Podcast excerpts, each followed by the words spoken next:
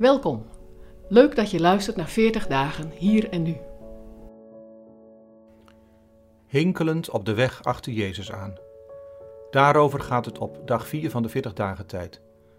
Vandaag met een bijdrage van Dirk-Jan Poel. Hinkelen. Wie heeft het vroeger niet gedaan? Je tekent met krijt een hinkelbaan op de straat en een aantal vakjes met nummers, bijvoorbeeld van 1 tot en met 8. Eerst moet je een steentje in vak 1 gooien en dan in alle vakken hinkelen, behalve in het vak met het steentje. Daar moet je overheen springen. En bij 8 aangekomen hinkel je weer terug naar nummer 3 en 2 en spring je weer over de heen heen. En lukt dat zonder fouten te vallen, dan gooi je het steentje naar vakje 2 en zo komen alle vakjes een keer aan de beurt. Je zou deze 40 dagen kunnen vergelijken met een hinkelbaan van 8 vakjes.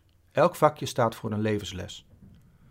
En samen vormen de acht levenslessen onze hinkelbaan voor de komende weken.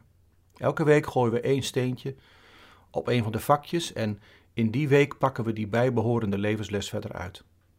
En net als bij hinkelen is het de bedoeling dat je ook in beweging komt. De inhoud van deze podcast is bedoeld om in praktijk te brengen en niet alleen om naar te luisteren of te lezen. Want we zijn geroepen om Jezus te volgen. Nu klinkt geroepen zijn misschien nog wat vrijblijvend, maar als je moeder je aan tafel roept voor het eten, dan word je geacht te komen.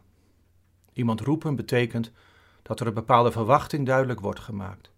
De persoon die roept wil graag dat je doet wat er van je gevraagd wordt. En dat zie je ook in de Bijbel als het om roeping gaat. Daar zie je steeds hetzelfde patroon. Wat gevraagd wordt, wordt niet vrijblijvend gevraagd. Als God ons roept, wil Hij dat die roeping in ons leven werkelijkheid wordt.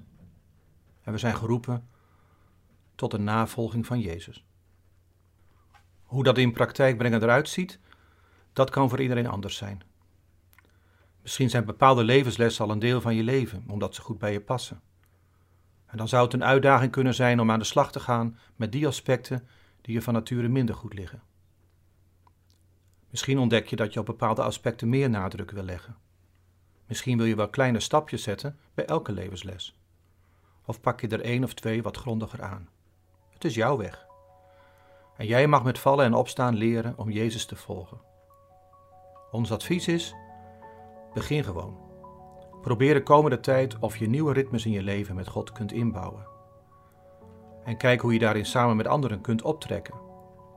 Deel je ervaringen met anderen en bemoedig en stimuleer elkaar, al hinkelend op de weg achter Jezus aan.